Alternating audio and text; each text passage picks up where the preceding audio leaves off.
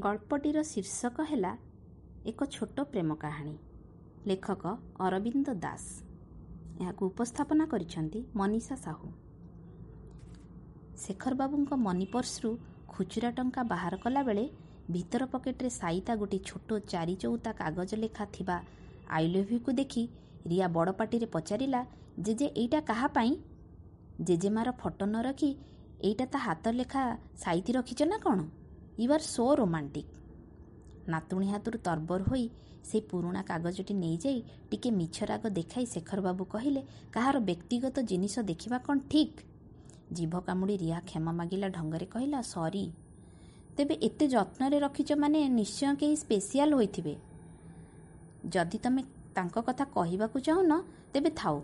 କିନ୍ତୁ ଆଜି ଜେଜେମା ବଞ୍ଚିଥିଲେ ତାଠାରୁ ନିଶ୍ଚୟ ବୁଝି ନେଇଥାନ୍ତି।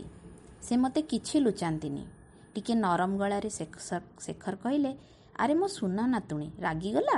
ହଉ ଶୁଣ ଏଇ କାଗଜ ଖଣ୍ଡିକ ଏକ ଅଭୁଲା ସ୍ମୃତି। ମୋ ପ୍ରଥମ ପ୍ରେମ। ସେ ମୋତେ ବହୁତ ଭଲ ପାଉଥିଲା। You mean lover first love ତାମାନେ ଏଇଟା ଜେଜେମାଙ୍କ ହାତ ଲେଖା ଏକ ଦୀର୍ଘ ନିଶ୍ୱାସ ଛାଡ଼ି ଶେଖର କହିଲେ ନା ଏଇଟା ଆଉ ଜଣଙ୍କର। ସିଏ କିଏ? ଜେଜେମା ଜାଣିଥିଲେ? ତମେ ବି ତାଙ୍କୁ ଭଲ ପାଉଥିଲ? ତାହେଲେ ଜେଜେମାଙ୍କୁ କାହିଁକି ନାତୁଣୀ କଥାରେ ବାଧା ଦେଇ ଶେଖର କହିଲେ ତମେ ଆଜିକାଲିକା ପିଲା ସେସବୁ ବୁଝିପାରିବ ନାହିଁ। କିଛି ସମ୍ପର୍କ ଶାଶ୍ୱତ ଅବର୍ଣ୍ଣନୀୟ। ଭଲ ପାଇବାର ସଂଜ୍ଞାଙ୍କୁ ବୁଝିବା ଏତେ ସହଜ ନୁହେଁ। ଠିକ୍ ଯେମିତି ଗୋଟିଏ ହାତ ଲେଖା କାଗଜର ମହତ୍ଵ ତୁ ବୁଝିପାରିବୁ ନାହିଁ। ସବୁ ପ୍ରେମ ଶସ୍ତା ପ୍ରେମ କାହାଣୀର ବର୍ଣ୍ଣନା ଭଳି ନୁହେଁ। ପ୍ଲିଜ୍ ଜେଜେ ମୋତେ କହିବନି ତମକୁ ମୋ ରାଣ ନାତୁଣୀକୁ କୋଳକୁ ଆଉଜେଇ ନେଇ ଶେଖର କହିଲେ ତୁ ବଡ଼ ଦୁଷ୍ଟ। ରାଣ ପକାଇ ମୋତେ ବ୍ଲାକମେଲ୍ କରୁଛୁ? ଦୀର୍ଘ ନିଶ୍ୱାସ ନେଇ ପୁଣି ଆରମ୍ଭ କଲେ। ମୋ କଲେଜ ବେଳ କଥା ମାମୁଙ୍କ ପାଖରେ କଟକରେ ରହି ପଢ଼ୁଥିଲି। ଏକ ଆକ୍ସିଡେଣ୍ଟରେ ମୋ ଦୃଷ୍ଟି ଶକ୍ତି ଚାଲିଗଲା।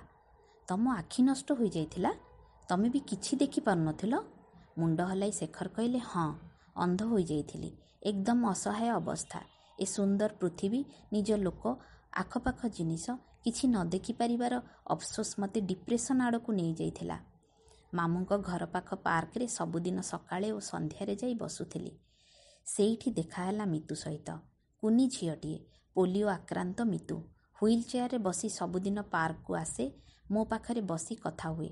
ଭଲମନ୍ଦ ଗପେ ପାର୍କ ଓ ଆଖପାଖର ଘଟୁଥିବା ଜିନିଷର ଧାରା ବିବରଣୀ ଦିଏ।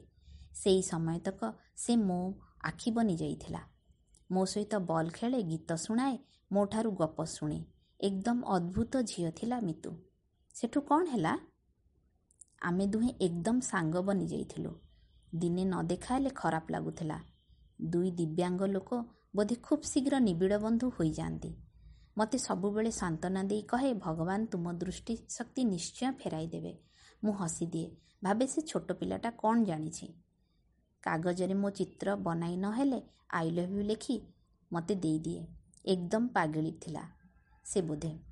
ନିଶ୍ଚୟ ପୂର୍ବଜନ୍ମରେ ଆମ ଦୁହିଁଙ୍କ ଭିତରେ କିଛି ସମ୍ପର୍କ ଥିଲା। ଥରେ ଦୁଇ ଦିନ ମିତୁ ପାର୍କକୁ ଆସିଲାନି। ବ୍ୟସ୍ତ ହୋଇ ପଡ଼ିଥିଲି। ଖବର ପାଇଲି ଘର ପାହାଚରୁ ଖସି ପଡ଼ି ମିତୁ ହସ୍ପିଟାଲରେ। ବାସ୍ ଆଉ ଫେରିଲାନି ବିଚାରୀ। ଭଗବାନଙ୍କ ପାଖକୁ ଚାଲିଗଲା। ପୂର୍ବରୁ ତାର ଦୁଇ ଆଖି ମୋତେ ଦାନ ଦେଇଗଲା।